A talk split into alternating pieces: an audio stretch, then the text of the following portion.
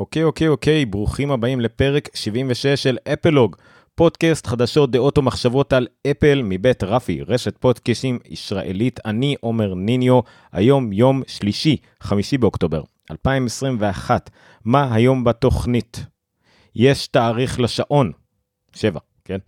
אולד, כנראה לא יגיע למיני בקרוב. סטוארט, ג'ון סטוארט, יגיע לישראל מתישהו. אפל מעדכנת את חנות האפליקציות שלה ופותחת תיבות סרצים. שניים, זה יותר מאחת. השעון ימשיך להציל חיים כנראה בעתיד. אפל מרוויחה המון ממשחקים, מגיימינג, יותר ממה שאתם יכולים לדמיין. והשור, עשר שנים, היום, למותו של סטיב ג'ובס, וכמה זיכרונות, סיפורים ודברים מעניינים לגבי זה. לא נסיים בטון עצוב, אל תדאגו, זה מאורע חוגגים את חייו של סטיב ג'ובס, לא עצובים על לכתו. זה הרעיון. אז זה פרק 76, הקלטנו אותו בחמישי לאוקטובר. הוא מועבר בשידור חי ביוטיוב, בפייסבוק, בטוויטר ובטלגרם של אפלוג. יש לנו גם קבוצה וגם עמוד באפלוג, גם אה, טוויטר, אפלוג וגם, לא פחות חשוב, טלגרם. שם קורים רוב הדיונים, במיוחד שכל העולם נופל ל- ל- על רגליו ומחפש עם מי לדבר, אז אנחנו שם בטלגרם. חוץ מזה זה פודקאסט כמובן מוקלט, נמצא בכל מקום שאתם רוצים, אפל פודקאסט, ספוטיפיי, Deezer, Overcast, Pocket Casts, לא יודע מה, TuneIn, כל מקום שאתם רוצים. אפלוג נמצא שם, ספרו לחברים, תביאו אותם עלינו, מעולה. אפלוג זה גם אתר, מעכשיו, משבוע שעבר בערך, אפלוג, applog.co.il. אתר חדשות, דעות ומחשבות על אפל, זה לא אתר רגיל, יש שם ידיעות על אפל, יש שם חדשות, אבל יש שם גם הרבה דעות, שפה קצת יותר אה, חופשית, קצת יותר אה, שטותית. אה, אני כותב מהלב, כותב מה, גם מהראש, אבל אה, אישי שלי וגם של כל כתבים אחרים שרוצים להצטרף, אני לא מחפש איזושהי כתיבה קורקטית יותר מדי, אה, אלא פשוט להרגיש את הכל. אה, כתיבה חופשית מה שנקרא. Uh, השבוע אין לנו חסות פורמלית אבל אני רוצה להזכיר לכם שיש לאפלוג uh, פטריון הכוונה היא שאתם יכולים לתרום לאפלוג ולרפי uh, החל משני דולרים לחודש ולקבל תמורות. Uh, בשביל שני דולרים אתם השם שלכם יופיע בכל פרק כל נגן פודקאסטים בעולם יראה את השם שלכם ברשימות כמובן שאפשר גם לתרום יותר אפשר לתרום אה, שלושה דולרים ואז אה, זה יהיה בכל התוכניות של אפל או גם היה מנוע וגם כל תוכניות עתידיות. אה, אפשר לתרום יותר כמובן אה, ושמכם גם יוזכר בכל פרק אם אתם רוצים כתומך עיקרי אה, וכולי וכולי. אני לא מגביל אתכם בכמה תתרמו הכל באמת מכובד. אני אשמח לכל תרומה קטנה כל דבר עוזר לעלויות אחסון אה, פרסום כל הדברים האלה. עוזר לי אני לא מרוויח מזה זה רק כדי לכסות את ההוצאות שהן עדיין הרבה יותר גבוהות מכל הכנסה שיכולה להיות לי מזה. אז אני מאוד אשמח אם אתם אוהבים את זה תתרמו בעתיד יהיה גם תמורות שקשורות כמובן לאתר לאפלוג בכל מה שקשור לפודקאסט אז גם שם זה יהיה. אוקיי עד כאן שילוב של טפיחה עצמית על השכם והושטת יד לתרומה בו זמנית. בואו נעבור נדלג על המדור הראשון שלנו לא הצלחתי להביא איזה שם שאריות השבוע הייתי השוק בעיקר בלהכניס תוכן לאתר ולכתוב יותר מאשר סתם להביא כישורים. שהבאתי בעבר שאני רק מביא קישור כותב איזה שורה או שתיים ומפרשם אה, בעמוד הפייסבוק ומה שהיה מפרשם את זה גם בטלגרם וטוויטר והכל אז אני מנסה עכשיו סליחה אני מנסה באתר אה, להביא יותר דברים שהם כתובים קצת יותר ארוך קצת יותר מושקעים ולכן גם כן אה, לא, גוזלים ממני קצת יותר זמן אבל הם יותר מושקעים יש לי יותר יותר על מה לדבר בתוכנית. אבל השבוע למשל לא היה לי באמת שאריות דיברנו על הכל, אין באמת באמת אה, חדשות אה, לעומק. אוקיי, אז בואו נתחיל. אני מזכיר לכם שמי שצופה בנו בשידור חי יכול להשתתף בשידור. אתם יכולים לכתוב בצ'אט גם בפייסבוק וגם ביוטיוב.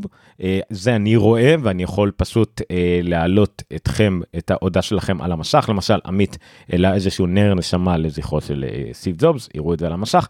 ואם אתם אה, בטלגרם, פשוט את ההודעה שלכם אה, פשוט אם תכתבו, יראו אותה על המסך, כרגע למשל המאזינים בפודקאסט לא רואים את זה, אבל אליהו אה, קרישיבלום כתב אם מישהו מכיר מישהו שרוצה לקנות יד שנייה סוויץ', הודעה שאני כמובן מוחק, כי הקבוצה לא מיועדת להודעות קנייה ומכירה, ובטח לא לנינטנדו סוויץ'. אז הנה ראיתם מחיקה בשידור חי. עד כאן דברים שלא קשורים לפודקאסט בואו נעבור אז למדור הראשון האמיתי חומרה או מוצרים מעברון ואנחנו ממשיכים. אם ככה, הידיעה הראשונה שלנו זו ידיעה שהתעדכנה. אה, הידיעה הזאת כשהיא עלתה בראשון לאוקטובר היא הייתה שמועה של ג'ון פרוסר, ששעון שדרה 7 יגיע ללקוחות באמצע אוקטובר, אה, הוא הימר על השמיני לאוקטובר, ויתחיל להימכר ב-15 לאוקטובר, זאת הייתה שמועה שהוא הימר.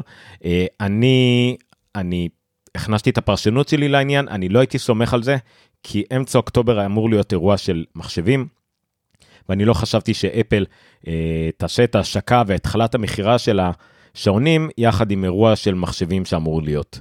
אה, כתבתי על זה פסקה שלמה, אבל כמובן שטעיתי ושלושה ימים לאחר מכן, ב-4 לאוקטובר, שזה היה אה, אה, אתמול, אפל עדכנה, הוציאה הודעה רשמית שהשעון אה, יתחיל, אכן המכירה שלו תתחיל בשמיני לאוקטובר, הזמנה מוקדמת, שזה עוד יומיים, שלושה ימים, סליחה, ביום שישי, והשעון אה, יגיע לחנויות ויגיע ללקוחות ב-15 לאוקטובר, שעון שיודרה 7 יהיה זמין.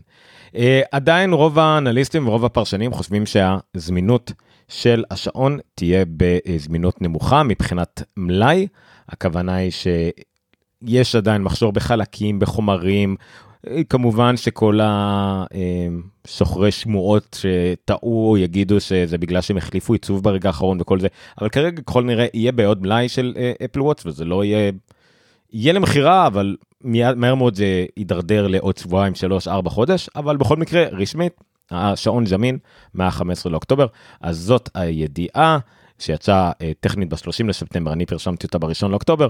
והיא התעדכנה כבר מאז, עדכנתי את הידיעה, לא ראיתי צורך להוציא ידיעה חדשה, אז הנה, כבר שמועה חומרתית, השעון מגיע ב-15 לאוקטובר, תתחצו מי שמתכנן לקנות. ההמלצה שלי, אם יש לכם שעון ישן ויש לכם תקציב, תקנו. יש לכם סדרה 6, או אפילו סדרה 5, אני אולי אפשר לחכות. זה ההמלצה שלי, סדרה 7 זה דבר יפה, אה, לא אה, מהפכה טוטאלית. אני אולי אנצל את זה לידיעה שלא הבאתי. אה, להימור, שילוב של משהו שגרובר מאוד מאמין בו, ואת זיישון שנל אה, לא שלל. גרובר חושב שאולי העיצוב שראינו, ג'ון גרובר מדרינג פארבול.נט, חושב שהעיצוב שראינו, העיצוב המרובע, הסטוח, אה, זה עיצוב אמיתי, אבל שהוא לא אמור להיות של סדרה 7 או סדרה 8, הוא אולי יהיה של ה-SE הבא. זאת אומרת, גרובר חושב על זה שאולי כמו בשעוני יוקרה אחרים, השעון הראשי של אפל לא באמת יחליף עיצוב אי פעם. הוא יגיע לאיזשהו שלמות, ונגיד השדרה 7 מאוד קרוב לשלמות הזאת של מסך שמגיע עד השוליים והכל, אבל העיצוב הבסיסי שלו נשאר כמו שהוא, ועל ייצוא אה, סדרות אחרות, יהיה את ה-SE, שהוא עיצוב הזול יותר, הפשוט יותר, אולי קל יותר לייצור, אולי קצת יותר נוח לאנשים, אה, והוא זול יותר, והוא יצא, ואולי עליו הם יעשו את כל הניסויים העיצוביים, כל פעם יחליפו לו דברים, אולי זה. אה, יצא אולי איזה רגד, איזה משהו קשוח כזה. אה, לא יודע, אולי זה עוד סדרה שתצא, ואולי משהו זול, הרבה יותר זול, שיחליף את הסדרה 3 בתור השעון הכי זול שאפשר למכור למי שרוצה רק כושר. רק את המידת אה, צעדים, קלוריות או לא יודע מה. אז יש פה עוד איזה כיוון שאפשר ללכת אליו, ולא שרק שאפל נמכור שעון אחד כל הזמן, דורות אחורה שלו, ואולי איזה אסי מדי פעם. אולי הם באמת ילכו על סדרות, כמו פרו, מיני וזה, אולי גם אה, בשעונים זה יהיה. הימור לגמרי, סתם איזה השערה של מישהי עם ניסיון ו- ומחשבה כזאת uh, בהקיץ, אולי. טוב, uh, הידיעה הבאה, uh, גם כן, אני חושב, ופה תנו לי כזה להתלהב קצת, אוקיי, בסדר, זכותי להתלהב קצת. אני חושב שהייתי הראשון שהביא את זה בעברית, אבל גם אני העתקתי את זה מ... לא העתקתי, ראיתי את זה ב... קודם כל באתרים אמריקאים, ואז הלכתי במקור והבאתי את זה. anyway, על מה אני מדבר? Uh, דוקטור טומי קורן, או קורן, אני לא, לא זוכר, נראה לי קורן, אה, פרשם בעמוד הלינקדאין שלו, הוא רופא עיניים, איך הוא משתמש באייפון פרו 13 אה, כמצלמת אה, מקרו, בשביל אה, לעזור ללקוחות שלו, לפציינטים שלו, למטופלים שלו, בטיפולי עיניים. עכשיו, הוא כבר פרשם שבוע לפני כן, אה, שבועיים לפני כן, כשהאייפון 13 רק עמד לצאת שאפל הכריז עליו, שהוא משער שזה עלול להיות משהו שבאמת יעזור לו, עדשות מקרו במכשירים ניידים שזמינים לכל אחד בבית, יכול מאוד לעזור לתחום אה, רפואת העיניים. זה יכול לעזור במספר תחומים. זה יכול לעזור לו כרפואה מונעת. מטופלים, כדי לחסוך להם הגעה לרופא, בגלל איזה שהם סיכון שהם חושבים נמצאים בו, או כל דבר אחר, יכולים אה, לצלם את העיניים, או כמובן קרוב משפחה אצל העיניים, בשביל איזשהו מניעה, כדי לראות אם יש להם איזשהו חשש קל שבקלים לאיזושהי מחלת עיניים, ואז ללכת לרופא אמיתי. זה לא יפסול כמובן, אבל זה איזשהו מקום לבחון בו תסמינים, זה אולי הסיבה הכי קלה ופחות רלוונטית. אה, אבחון מרוחק, שוב, אם יש חשש כלשהו, אז הרופא יכול להגיד לו, אתה חייב לבוא עכשיו, אתה יכול, יכול לקבוע תור לעוד שבוע, אה, כל מיני אבחון בסיסים לדברים שהם פחות קריטיים, אבל המצבים אולי הקריטיים באמת זה מעקב. מעקב רפואי ומצבי חירום ואימרג'נסי, זאת אומרת, ברמה של אם יש טיפול שאפשר לעשות בשטח, שהרופא יכול לאבחן באמצעות מצלמה ולתת עזרה בשטח, זה כמובן אחד הדברים הכי מעולים שיכולים להיות, וגם כמובן מעקב, שזה השימוש שלו. הוא אה, נתן דוגמה להשתלת קרנית למטופל, והוא יכול לעקוב. במקום שהבן אדם יצטרך להגיע כל יום וכל יום למרפאה, המטופל יכול אה, לצלם אצלו מקרוב ובעצם לשלוח לרופא, והרופא יכול לטפל ולראות, ואם המעקב נראה תקין, אין באמת צורך, זה לגמרי שווה את ה, אה, לחסוך את הנסיעה, במיוחד בעולמנו, אה, עם מלא הקורונה, אה, חוסך את הנסיעה לרופא. אז כן, זה אמנם רופא מתלהב אחד עם יכולות, והוא משתמש בפרו-מקס, וזה רק אה, נקודת אחת, וזה לגמרי כתבה מתלהבת ו- ונורא, אה, אה, אני יודע מה, אה, צהובה, אבל עדיין, זה מגניב וזה שימוש טוב בכל סמארטפון, כן? במקרה האייפון 13 פרו הוא אה, הראשון עם עדשת מקרו באמת טובה, וזה אמנם מכשיר של לפחות אלף דולר, כן? זה לא מכשיר בכל כיס. אבל עדיין זה יותר כנראה נוח להרבה מאוד אנשים מאשר עם מצלמה מקצועית, עם, עם מצב מקרו, או לשים עדשת מקרו על מצלמה יותר מקצועית. בכל מקרה, קורן כמובן לא שכח לציין שהמצלמת מקרו המשובחת הזאת, שהוא יכול, אה, אה, שהלקוחות שלו, שזה זמין ללקוחות שלו, הוא, היא מגיעה גם עם מצלמת טלפוטו, ואפילו עם סמארטפון, עם GPS ו- ואפליקציות, וזה בעצם אייפון, כן, זה בדיחה שהוא עכשיו. בכל מקרה, זה דוקטור אמ, טובי קורן על האייפון כמכשיר לבדיקת עיניים, מגניב מאוד, מגניב סך הכל. ידיעות הבאות שלנו זה ידיעות מינצ'יקוו. ידיעות מינצ'יקוו תמיד משום מה באות בזוגות, לא יודע למה. אז הידיעה הראשונה שהוא אומר, שהיא תמיד מצחיקה אותי, אה, אפל מבטלת את התוכניות שלה אה, לשחרר אייפד אר עם משך אולד ב-2022. היא משרת תוכניות שמעולם לא הוכרזו, מעולם לא הוצהרו. זה התוכניות היחידות, דרך ידע שאנחנו יודעים על התוכניות האלה בגלל שהוא עצמו דיווח על התוכניות האלה פעם, אז לא יודע. האם אתה יכול להוכיח משהו שמעולם לא קרה? אין לי מושג, אבל בסדר.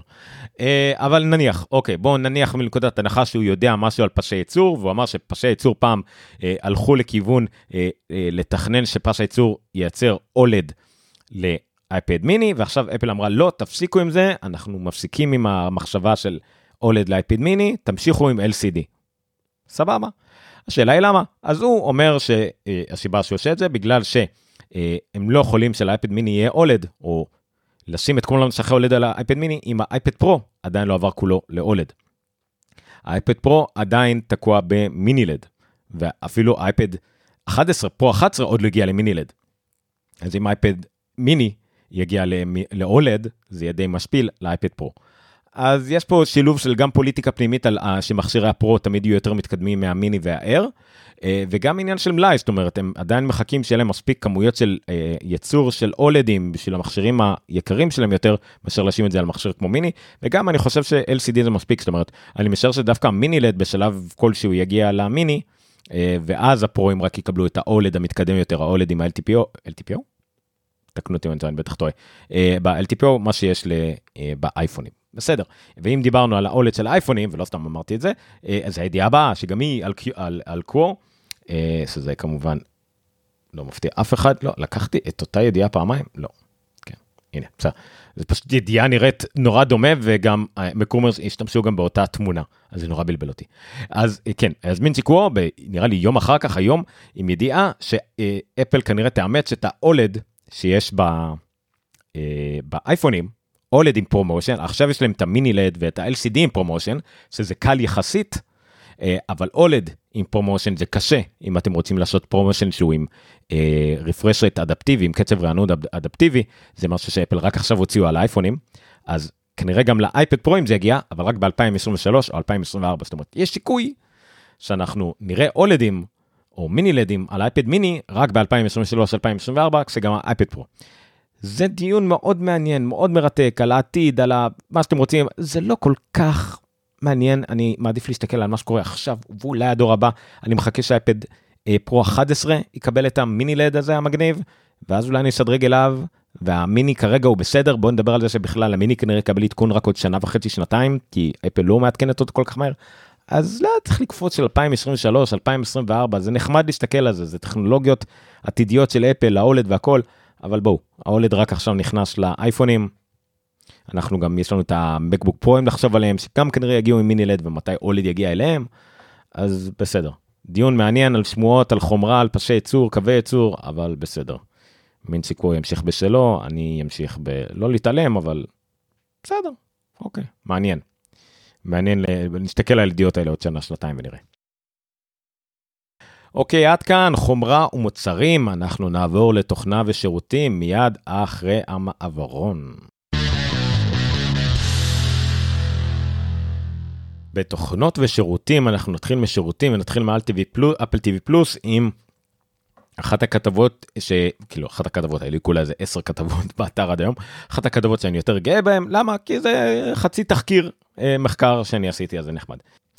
התוכנית החדשה של ג'ון סטוארט הבעיה עם ג'ון סטוארט זה גם זה השם של התוכנית the problem with ג'ון סטוארט שהולידה גם כמה אה, פרומושנים וטריילרים מאוד משעשעים אה, עלתה לשידור בארצות הברית ב-30 לספטמבר אה, והייתה אמורה לעלות בכל העולם כמו כל תוכנית אה, של אפל TV Plus עד היום הייתה אמורה לעלות בכל העולם. אה, אני הסתכלתי ראיתי שהיא זמינה לי מעולה לא יצא לי לצפות בה אחלה. יאיר רווה מבקר הקולנוע אה, באתר סינמוסקופ ונראה לי עכשיו הוא של כלכליסט לא, זו, סליחה סלחו לי שאני לא זוכר של איזה אתר הוא מבקר כרגע אני מעדיף לקרוא את הבלוג העצמאי שלו בסינמוסקופ.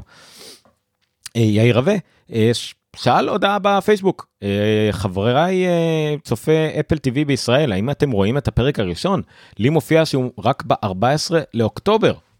אוקיי אתם יכולים לראות גם את התמונה שאני שמתי פה.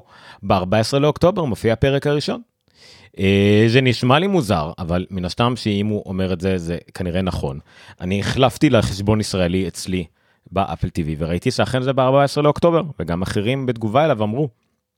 אחד המגיבים גם הטעה אותי מסתבר, שאמר שאולי זה אפילו משהו פוליטי, כי הפרק הראשון היה על אה, מלחמה קראו לו ועל מלחמות, ואולי זה משהו שקשור לישראל, אני לא, לא בדקתי את זה לעומק, אבל זה, לא יודע אם זה נשמע לי מופרך, אולי אפל רוצה להתחמק מבעיות, אולי דחתה או דילגה לפרק הראשון, לא יודע, אמרתי בוא נבדוק בטוויטר. אז בדקתי בטוויטר. אז כאמור, יאיר רווה פרשם בפייסבוק, אה, אז אני אצתי לטוויטר. Uh, so apparently the problem with John Stewart's first episode is blocked for Israeli Apple TV Plus subscribers. כמובן שזה ניסוח מוזר שלי, זה לא בדיוק blocked, אבל כנראה postponed, אבל בסדר. אני החלטתי להיות קצת קיצוני, is it political? Uh, ואני תייגתי המון המון המון אנשים, כמובן את התוכנית The Problem, את ג'ון סטוארט, את אפל TV פלאס, את אפל TV, uh, את עורך האתר screentimes.net, אתר שמדבר רק על אפל TV, אתר מעולה שאני מנוי אליו ואני לוקח משם הרבה ידיעות, uh, הוא בריטי או אירי או סקוטי, סליחה על הגזענות שלי. קוראים לו סיגמונד ג'אדג' וגם את ג'סון סנל שגם מדבר הרבה בתחום את ליאנדר קייני שהוא כתב של Cult of Mac שהוא גם מתעסק בתחום פשוט בכיר ומכיר הרבה אנשים באפל אמרתי הוא לא יכול לדעת. אה, מישהו שתייגתי שהוא כנראה אני רואה עכשיו שהתיוג שלו אה, שהוא בכיר באפל בתחום של אפל אה, מולוטוב שכחתי את שמה מלא אה, מולי תומפסון היא אחראית שידורים באפל TV Plus מהבחינה של שידורים של non-scripted של דוקומנטרים ותוכניות. תוכניות אירוח, היא בין היתר כנראה אחראית על התוכנית הזאת לגבי הפצה שלה והכל, וגם אדי קיו כי אני אופטימי. אה, אז האמת מי שענה לי זה אותו סיגמונד ג'אדג' אה, מאתר והוא פשוט מקוסר מספיק כולם ושאל ואת הכל אז אה, הוא ענה לי עם תשובה בשני חלקים. התשובה הראשונה היא שכרגע נראה שהפרק הראשון מגיע לכל, לכמה אזורים בעולם כולל ישראל באמת בתאריך מאוחר יותר ב-10 לאוקטובר הוא שמע אותו דבר גם כן מספרד ופורטוגל. אבל העיכוב הוא כנראה נובע, לא קשור לפוליטיקה, נובע פשוט מהעובדה שהם לא הצליחו אה, להפיק את הפרק בזמן לשאר האזורים, מבחינה של אה, ריג'נים, זאת אומרת אה, תרגומים, דיבובים, כתוביות, דברים כאלה. זה ההשערה שלו. למשל הוא אמר שהסקרינר של פרק 2, זאת אומרת הגרשה שמשוחררת למבקרים, לסוקרים וכדומה, הגיע למשל בלי תיקוני צבע, בלי אפקטים מיוחדים כל מיני, זאת אומרת נראה שה post production, העבודה על הפרקים, העריכה אחר כך, באמת לא גמורה עד הסוף. אה, ואפל ממש, או חברת ההפקה שעובדת בשביל אפל על התוכנית הזאת, ממש היא ברגע האחרון מוציאה את הדברים, לא הכל מוכן עד הסוף, לכן הם החליטו לעשות סגמנטציה, חלוקה לאזורים, שמשחררים את הפרקים שלהם. עכשיו זה לגיטימי, זה קורה הרבה, שעושים דברים כאלה בעולם, כל מיני סיבות, אבל זה פעם ראשונה שזה קורה באפל TV Plus, אה, זה מה שהפתיע אותי. אה, ומה שעוד הפתיע אותי, אם תראו על, על הציוץ הזה של סיגמונד השני, ושהוא משביר את הכל, וכל העניין הזה, אז אותה מולי תומפסון שאחראית על זה באפל, עשתה על זה לייק. אה, אז סבבה, אז קיבלנו איזשהו חיזוק ממישהו שאחראי על זה באפל, אז זה כנראה נכון. אז בכל מקרה, זה התחקיר הקצר שעשיתי, הגענו למסקנה, זה פעם ראשונה שזה קורה באפל, שהם עושים סגמנטציה לפי אה, אזורים. אה, אני לא יודע אם נראה עוד דבר כזה בהמשך, אבל אה, הנה, ב- The Problem with ג'ון uh, סטוארט. אז כן, אין פה כנראה משהו פוליטי יותר מדי, עושים דבר כזה. אה, אני ערכתי את הכתבה הזאת כמה פעמים כדי לתקן את הטעויות שלי, גם על עניין פוליטי, גם העניין הזה שג'ון סטוארט כנראה לא נגע אה, בידיעות ישראליות. אה, שוב, תיקנתי ותיקנתי ותיקנתי וערכתי, אין לי בעיה, זה אחד יהיה מהסממני היכר של האתר של אפלוקס co.il, שאני אתקן וישנה ואעדכן מה שצריך בזכות הערות שנותנים לי, גם את הכותרת תיקנתי. אה, את, הת, את התת כותרת במקום שזה יהיה רק לא בישראל אז כתבתי אבל לא בישראל כי זה גם מדינות אחרות בעולם אז בכיף תעירו לי תעדכנו אותי אני אשמח לתקן. טוב בואו נעבור הלאה תקפתי מספיק במחמאות עצמיות. עניין הבא באפל TV Plus, הביטול השני בסך הכל אי פעם לתוכנית באפל TV Plus, מר קורמן, Mr. Corman, התוכנית המדוברת של ג'וזף גורדון לויט, החזרה שלו לטלוויזיה אחרי שנים שהוא היה סוג של כוכב קולנוע ואיש הפקה ויוצר והכל, חזר לטלוויזיה עם תוכנית שהיא, שימו לב, בכיכובו, כתיבתו, הפקתו ובימויו של אותו ג'וזף גורדון לויט, אה, אה, לא חודשה. אחרי עונה, לא הוזמנה לה עונה שנייה. זה המונח המכובש לבוטלה. זאת סדרה שמלכתחילה הייתה קומדיה, אבל קומדיה נורא מוזרה ונורא מדכאת.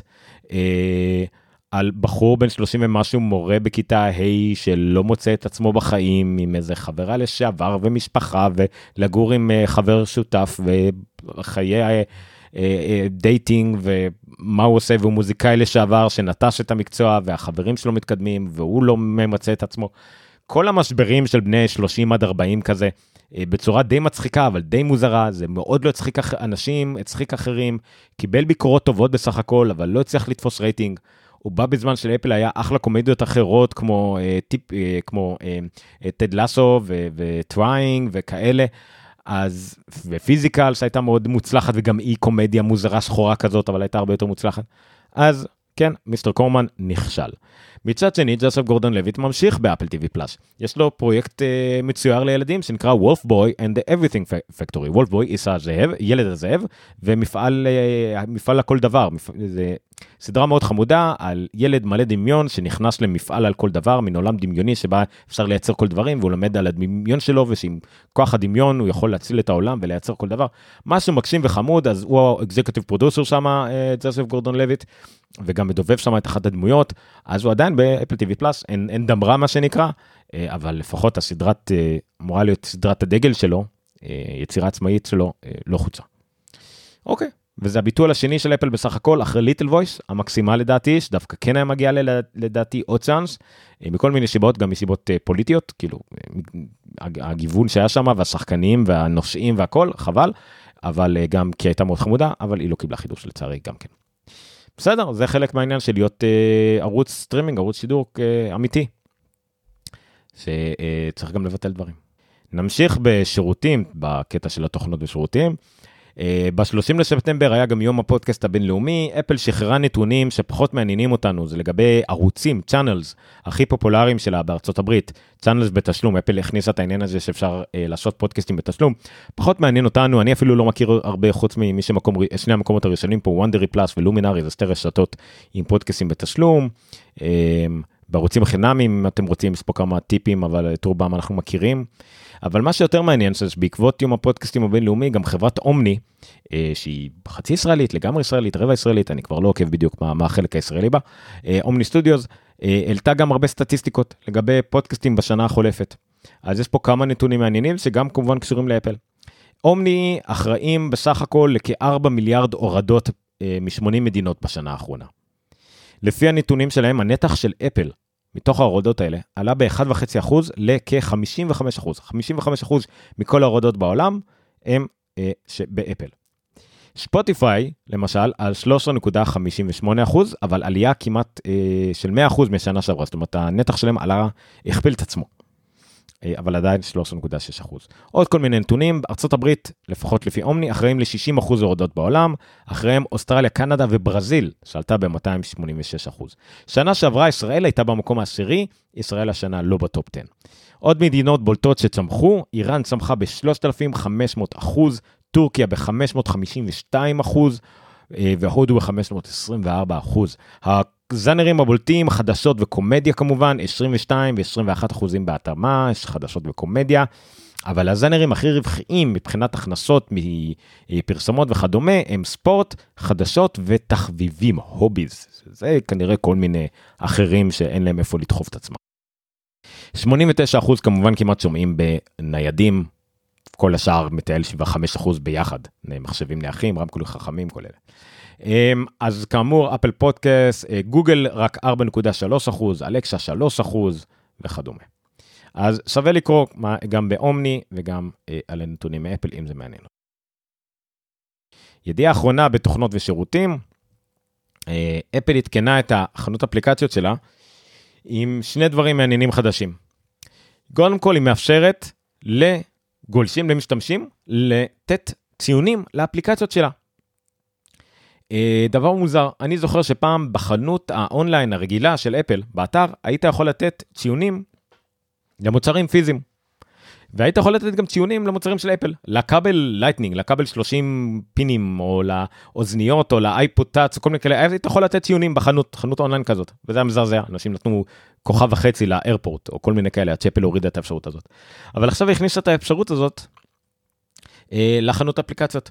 מה שהוביל כמובן לדברים נורא מביכים. למשל, אפליקציית הפודקאסטים של אפל קיבלה, אה, פעם אחרונה שאני בדקתי, ציון של 1.8 כוכבים מתוך 5. אה, ויש עוד כל מיני ציונים אה, מזעזעים וביקורות מזעזעות של משתמשים, אתם יכולים לקרוא את זה בעוד כל מיני מקומות, אני לא אעלה אתכם, אה, זה גם משתנה, כי רוב הכתבות שכתבו על זה, אה, ממש עשו את זה ביום הראשון, ומאז נהיו עוד כמה מאות ואלפי ציונים, אבל עדיין, מז... ממש על הכל. יש כמה באפליקציות שקיבלו 4 אה, ומשהו כוכבים, אבל זה נהיה מזעזע. אני לא יודע למה אפל אפשרה את זה, כי זה משהו מגוחך לתת, כי אתה מאפשר לתת טיעונים לאפליקציות שמותקנות כברת מחדל על המכשיר. היא, אתה יודע, אנשים, א' כל ככל שבכלל האפליקציות חינמית תמיד יהיו יותר ביקורות רעות. תמיד כשמישהו מנשה משהו חינמי, הוא ינשה כי זה חינמי, והוא לא יבין אותו, לא יצליח אותו, ייתן ביקורת רעה, זה תמיד ככה. אה, ואם זה גם משהו שמותקן לו מלכתחילה, והוא לא יאהב את זה, הוא ילך יכפש את זה וייתן לו דווקא ביקורת רעה. אה. אז זה דבר אחד. אז כן, זה פתח תיבת פנדורה אחת. הדבר השני שפתחתי, הנה אפל מיוזיק למשל קיבל 3.7 בפעם האחרונה שהם בדקו, כל מיני דברים מזעזעים אחרים. אמ, הדבר השני שהם עשו, שזה יותר טוב, אה, זה יותר יפתח להם תיבות פנדורה פנימיות, לא כל כך קשור למשתמשים, אה, שהם מאפשרים למשתמשים לדווח אה, על אפליקציה, report a problem. עכשיו, report a problem פעם היה נפוץ כשקיבלתם חשבונית על אפליקציה ו... זה לא אפליקציה שרציתם לקנות או משהו כזה, יכלתם לעשות report problem, אפילו אם זה סתם משהו שקניתם בטעות ואתם מקבלים החזר. כנראה אנשים התעללו בזה יותר מדי ואפל הקשתה והקשתה על התהליך הזה זה לא כל כך פשוט עכשיו היא החזירה את זה עם מטרה אה, מאוד בולטת אחת של report a scam or a fraud. אה, זאת אומרת שאם אתם חוששים שיש לכם קניתם אפליקציה והיא עבדה עליכם וגנבה מכם כסף אתם יכולים לעשות אה, אה, report a suspicious activity, report a quality issue, request a refund, כל מיני דברים כאלה אחרי שעשית uh, report a scam or a fraud. Uh, זה כנראה שזה לא משהו שהוא לגמרי uh, עדיין פעיל אולי לכולם. לא ברור כרגע גם איך אפל כרגע תוקפת את זה, מן הסתם שיש לה הרבה אנשים פיזיים שמסתכלים על זה, כנראה של חלקם גם כן אוטומטיים, אבל בסדר. כרגע לפחות לפי הנתונים שיש לדברד, יש להם רק איזה 500 בני אדם שעוברים על זה, כשלמשל לפייסבוק יש 15 אלף, לגוגל יש 20 אלף, אפילו לטוויטר יש 2,200. אז זה כמובן מוזר. אנחנו נעקוב אחרי זה, נראה. דורון בטלגרם אומר שהוא חיפש, אבל לא מופיע אצלו בחנות. אני משער שזה משהו שיתגלגל ונראה, גם אני, אם יצא לי לעשות את זה, סביר להניח לאימא שלי, ברגע שהיא תקנה אפליקציה שלא הייתה אמורה לקנות, כי זה תמיד קורה באיזשהו שלב. ואני מתנצל על האייג'יזם שלי, אבל זה בדרך כלל מה קורה לאימהות וסבתאות. אה, אנחנו נראה אז איך זה נראה בשטח. אז זה לגבי חנות האפליקציות של אפל ושנייה השינויים החדשים שמה וזה לדעתי משמן על אה, שוב המשך אה, שיפור בסך הכל בטיפול של אפל בקטע של החנות אפליקציות. מגמות קטנות קטנות קטנות שאני מקווה שיצטברו למשהו קצת יותר ויותר גדול. אוקיי בואו נמשיך. לחדשות כלליות. זה, זה מדור חדש, מעברון, מים, כרגיל.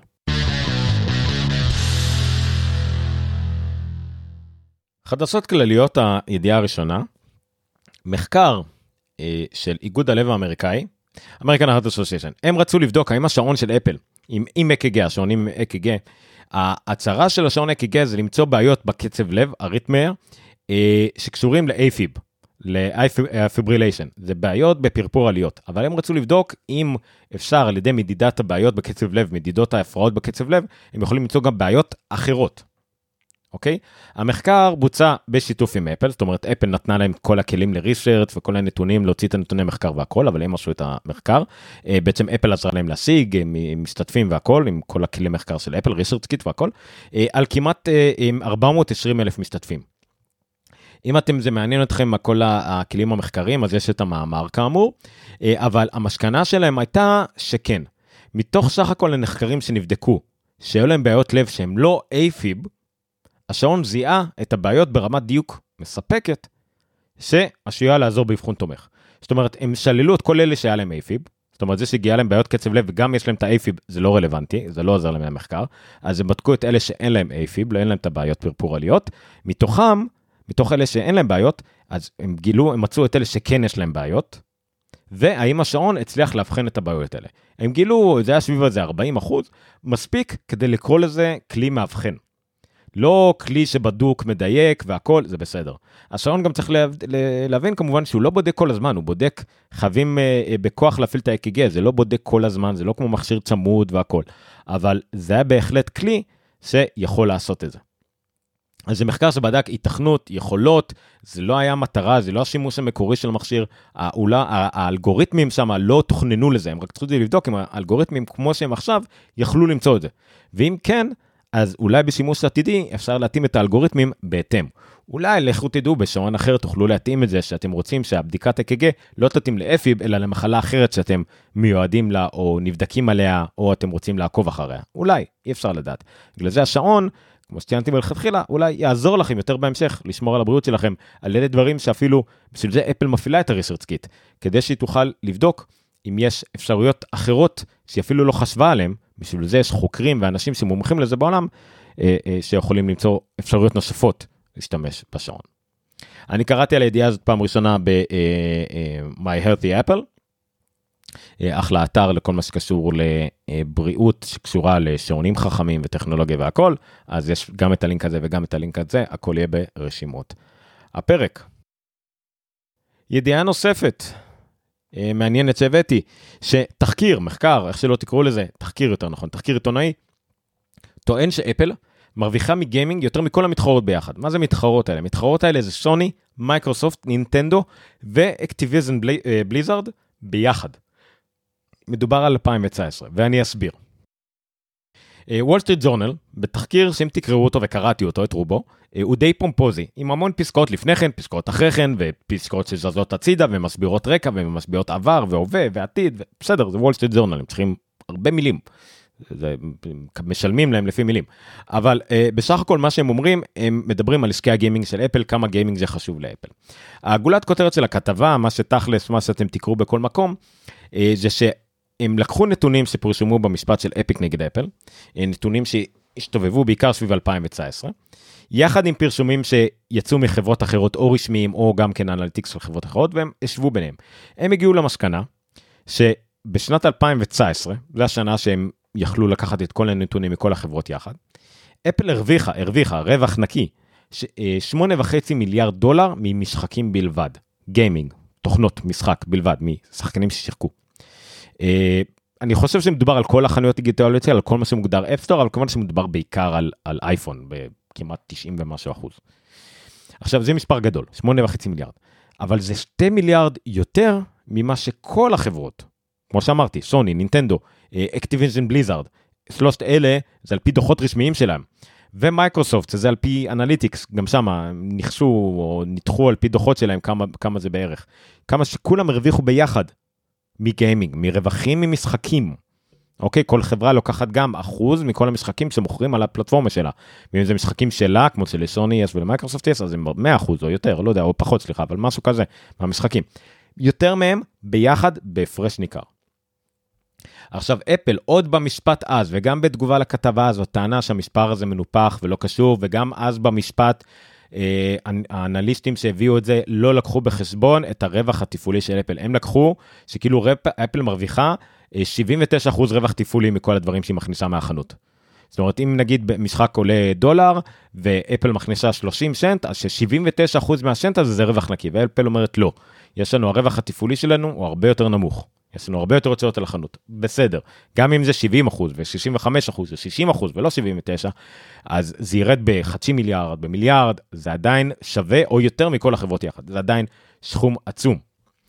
בכל מקרה, אה, אז הנתונים שהוצגו אז, אפל הכניסה מהחנות איזה 5.9 מיליארד אה, דברים, וזה היה 8.5 מיליארד רווחים, זה עצום, זה עצום.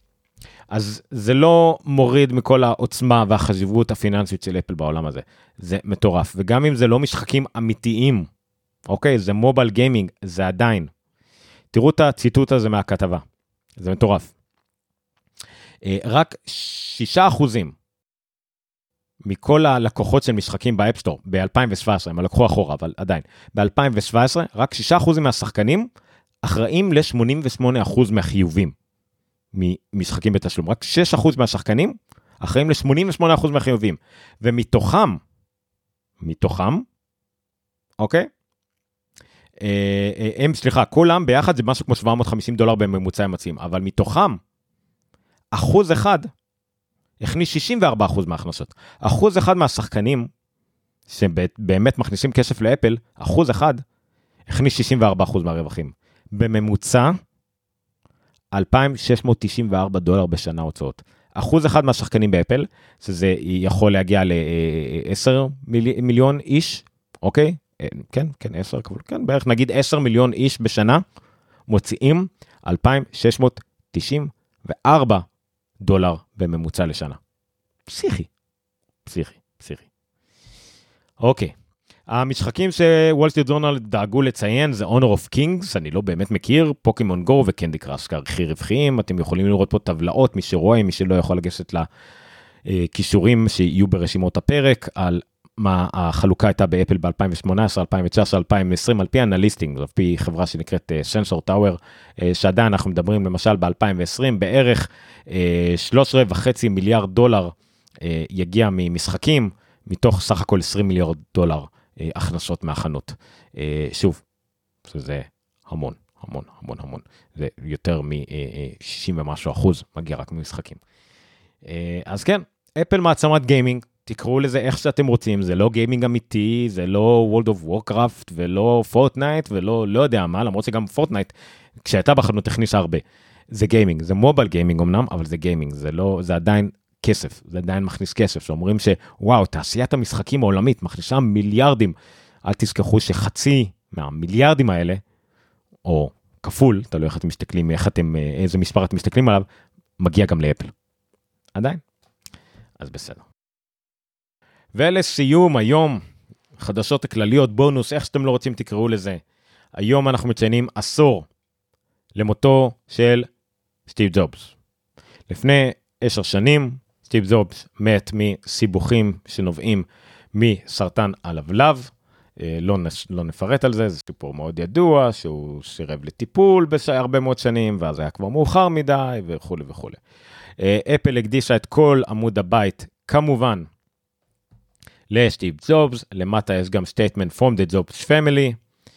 טים קוק גם הוציא ממו לכל העובדים בחברה, ממו שהתמקד בסוף, הוא רצה להדגיש בעיקר על העתיד, כמה ג'ובס היה מאוד מתרגש ונרגש מלחשוב על העתיד, על מה שעוד עומד להגיע ב- אה, לאפל. כל מה שטים קוק כותב את זה לעובדים שלו, יש לו אינטרס כמובן שהם יהיו נרגשים מהעתיד, אבל הוא גם מאמין בזה בלב שלם. סטיב ג'ובס תמיד הסתכל על העתיד, הוא שנה להסתכל עליו.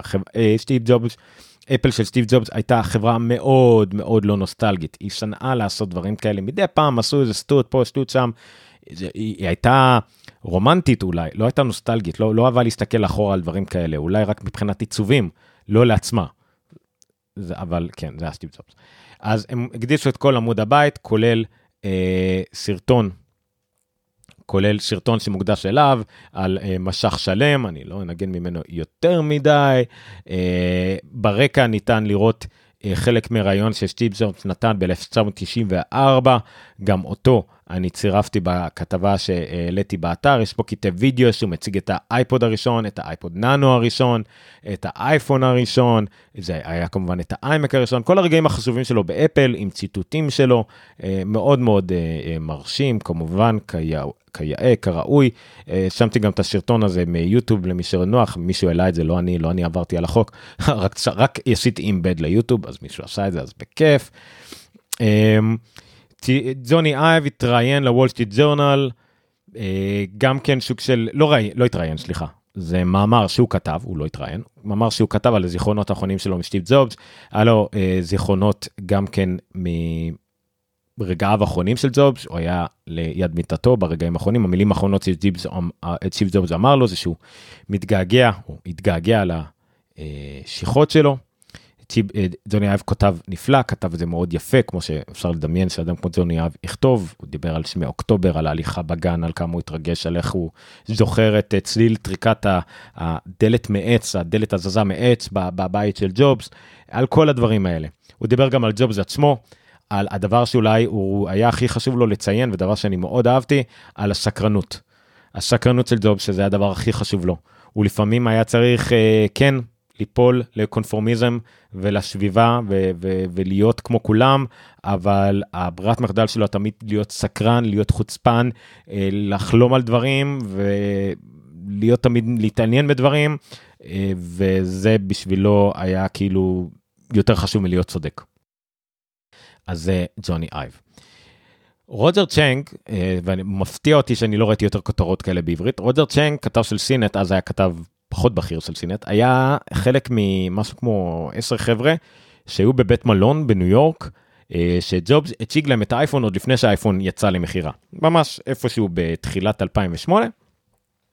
אה, הציג להם את האייפון במין חדר אה, מרופד, הציג להם את האייפון כשאחד הכתבים שאל אותו עד כמה גם אבל המכשיר הזה שרק לפני לא מזמן עשה איזה דמו, דמו מפורשם, הדמו הלא הכי לא יציב בהיסטוריה, שכל נטייה קטנה מהתסריט אתה מרסק את כל הדמו על מכשיר שאוהב טיפוס, עדיין אז מכשיר במצב ראשוני, הוא שאל אותו, כמה המכשיר הזה חזק, כמה הוא אמין, יציב. אז סטיב ג'ובס זרק את המכשיר לצד השני של החדר, נפל על השטיח, אבל כמובן הוא שרד את זה. זה שיפור קצר מאוד מתוך כל הכתבה, אה, אבל זה כותרות בכל המקומות, אבל עדיין הוא כתב את זה מאוד יפה על איך שיב ג'ובס עמד מול כולם, גאה, אה, מלא חוצפה, מציג את המכשיר הזה, הוא יודע מה שכולם עוד לא ידעו שהמכשיר הזה ישנה את העולם, אה, כולם כתבים נרגשים, לא יודעים מה מולם, אבל זה, זה מה שהיה, הוא פשוט עמד כולם מול כתבים בכירים עם כזה כיתה ח' בשולחנות, שולחנות, כישרות מסודרים בח', מציג להם את הדבר הזה כאילו ב... לא יודע, באיזה אה, קורס צבאי, אה, כשבידיו המכשיר שעשר שנים אח... אחר כך ישנה את העולם.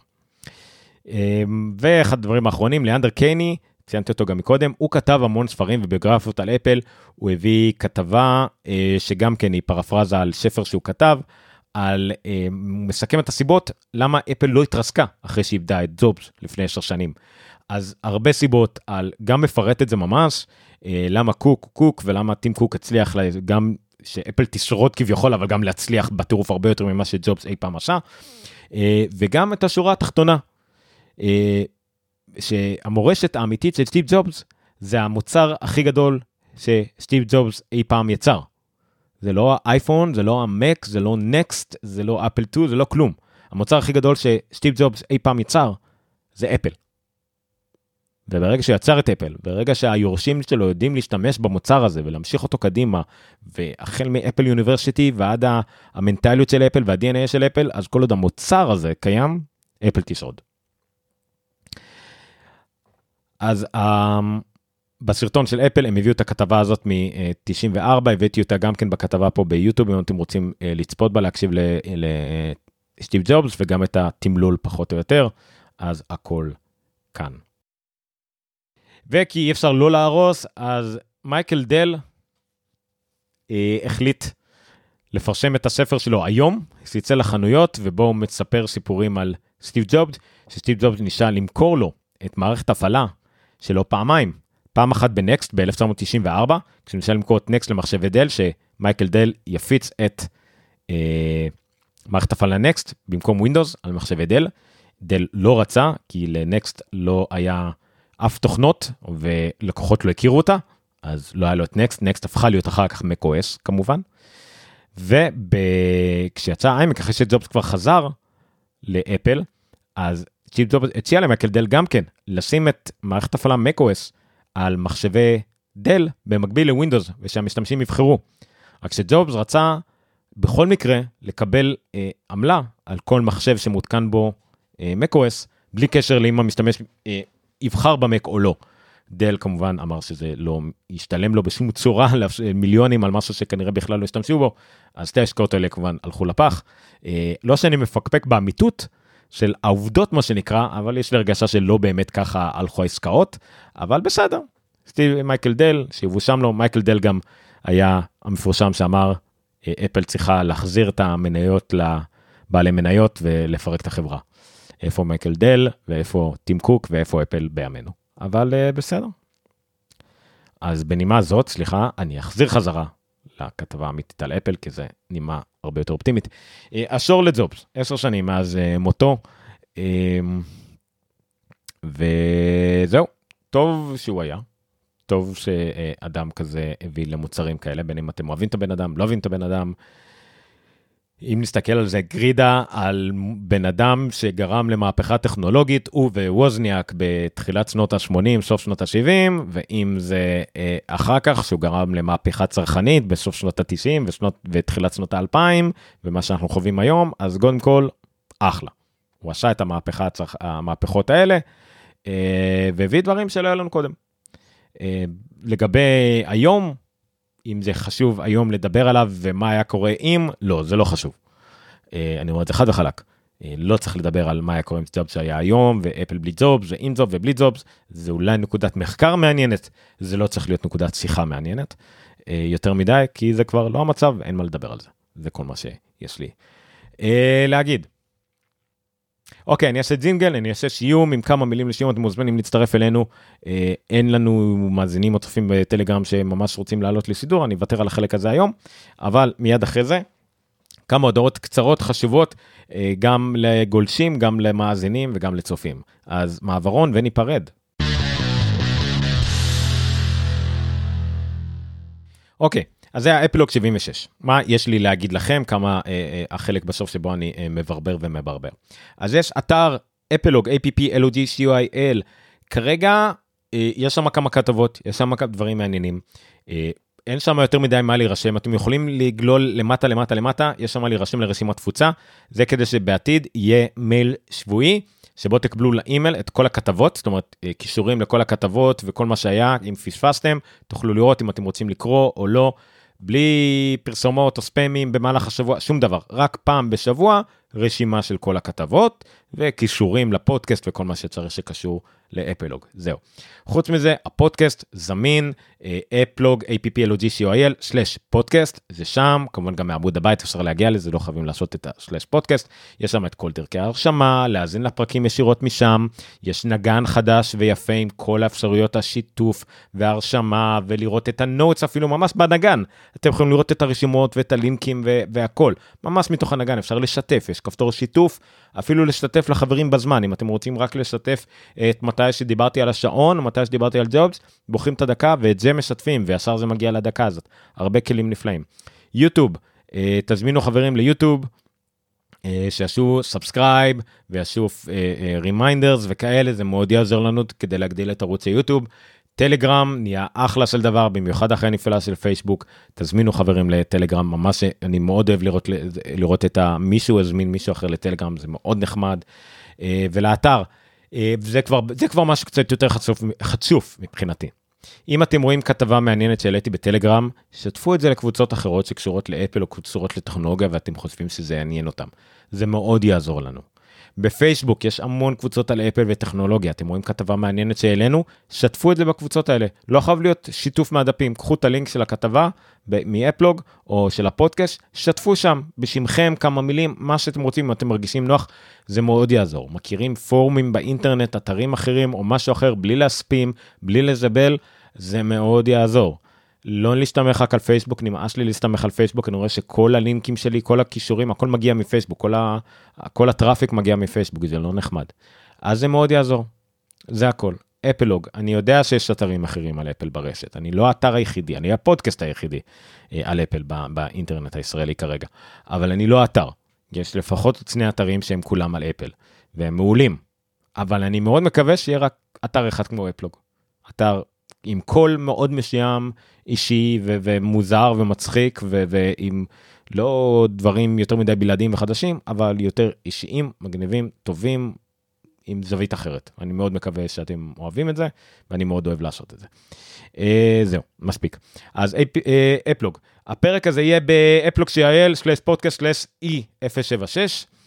תמיד זמין גם כן באפלוג.רפי.מדיה, אם אתם רוצים לראות את כל הפרקים סתם בתצורה פודקאסטית, איך שבא לכם.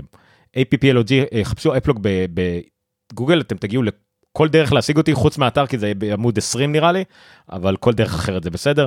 אני אומר ניניו בטוויטר, בפייסבוק, כמעט בכל מקום אחר. אני אשמח לשמוע מכם, אה, תכתבו לי DMי, מה שאתם לא רוצים, אבל הכי טוב, בקבוצה בטלגרם. אה, זהו, עד כאן, תודה רבה, לילה טוב לכולם, ונתראה בשבוע הבא, יום שלישי, ב-10, בשידור חי ובפודקאסט זמין בכל אפליקציה. תודה רבה, לילה טוב.